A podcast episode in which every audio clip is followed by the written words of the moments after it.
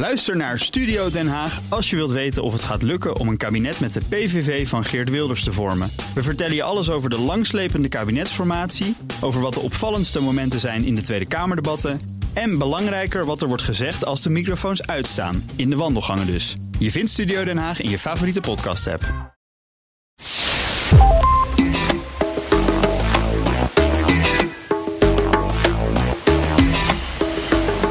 Heerlijk, vakantie.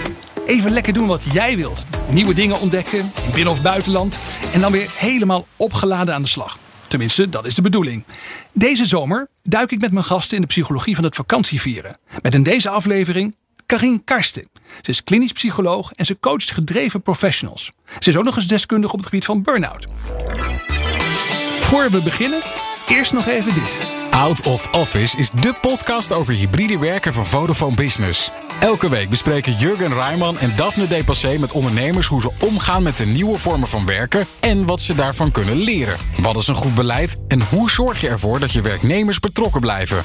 Dit en nog veel meer? Luister de podcast nu in jouw favoriete podcast-app.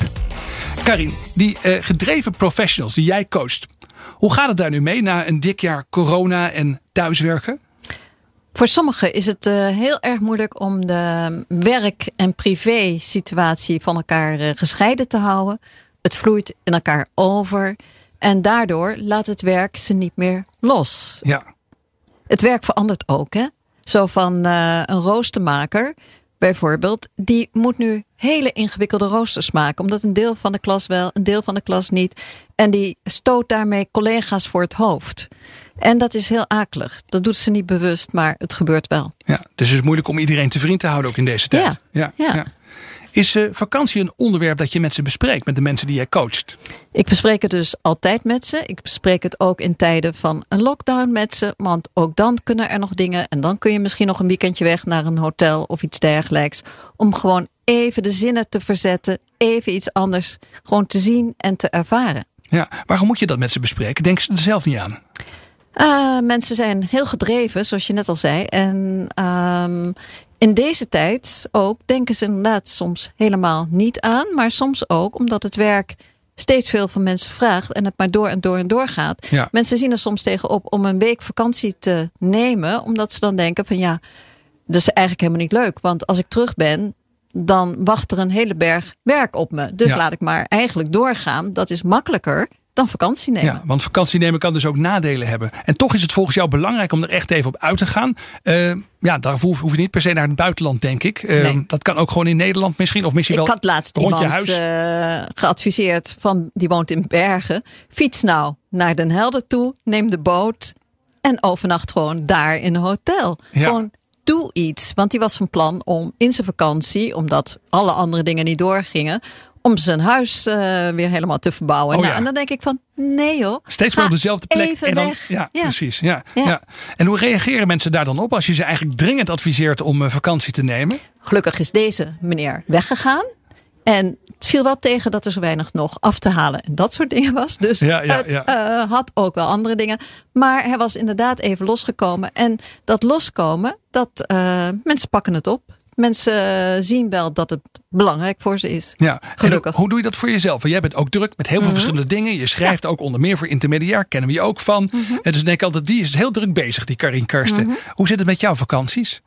Nou, in ieder geval heb ik iedere week één dag vakantie. Namelijk als oppasoma. Oké. Dus dat is echt een dag helemaal iets anders doen. En op speeltuinen georiënteerd zijn. Ja. En ook weg van het huis. Maar dan ben je niet echt vrij, denk ik dan. Jawel. Oké, ja, dat ja, want ik laat ook de telefoon, de telefoon. En ehm, Nee, maar ik bedoel Ja. te zeggen, je moet met een kleinkind moet je natuurlijk wel blijven opletten. Je kunt niet alleen maar ontspannen, toch?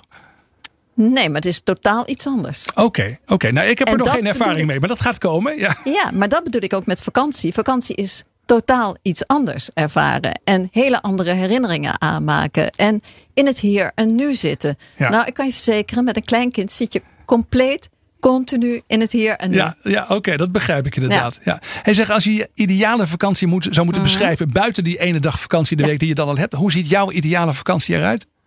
Mijn hele ideale vakantie, die, ehm, die nu niet door is gegaan, die ziet eruit van eh, ja, langlaufen, Noorwegen. Ja. En ik ben daar ongelooflijk dol op. En ook zelfs, dus daarom zeg ik ook van, het is gewoon goed. Ook s'nachts, als ik bijvoorbeeld moeite heb met slapen, visualiseer ik gewoon het appartement daar. Uh, ja. De tocht naar boven toe. De, want Noorwegen heeft gelukkig heel veel hellingen en afdalingen. Dus de ingewikkeldheid, de tocht langs een meer, de tocht langs de bomen. Uh, het sprookjesachtige landschap wat je ziet. En ook wel de engheid die erbij hoort. Van een afdaling waarvan je denkt: oei, gaat dit me lukken en zo. Maar de spanning die het je dus oplevert, maar een hele andere spanning. En ik ben dan helemaal weg, helemaal ergens anders. Wat grappig zeg. Dus ook door terug te denken aan die vakantiemomenten kun je ontspannen. Ja. Zeer. En in slaap vallen. En in slaap vallen zelfs. Ja. Nog één laatste vraag. Een concrete tip misschien voor luisteraars. Wat is nou een tip van een psycholoog om echt het, nou ja, je vakantie zo te besteden dat je ook echt weer opgeladen aan de slag gaat daarna? Dat je echt opgeladen wordt door je vakantie. Ja, voor mij is het hele belangrijke. En uh, ik let dus altijd heel erg op je neurobiologie, ook op je stresssysteem. Om je wel in te spannen. Dus om wel iets te doen en dat af te wisselen met ontspanning, met laten gaan. Oké. Dus vandaar ook misschien wel dat dat langlopen zo goed is. Want je spant je in, maar je laat je ook gaan. En die afwisseling, is, dus belangrijk. die afwisseling is dus belangrijk. Ook in een vakantie. Niet alleen maar 14 dagen in de strandstoel hangen. Nou, ik, er zijn mensen die daar baat bij hebben. Dus ik zeg niet dat het voor iedereen is. Maar als ik kijk naar wat ik aanraad, is dus eigenlijk dat mechanisme van je inspannen en dan de ontspanningsrespons oproepen, de ontspanningsreactie oproepen. Dat is zo belangrijk. En in onze tijd van dat we alsmaar bezig zijn en gejaagd, gejaagd, gejaagd. Ja. Vergeten we eigenlijk die hele ontspanning. Ja. En die afwisseling die moeten we dus vasthouden. Hartstikke mooi, dat nemen we mee.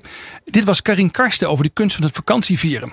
Tot zover deze speciale vakantieaflevering van de Ben Tichelaar podcast. Geniet van je vakantie en tot snel.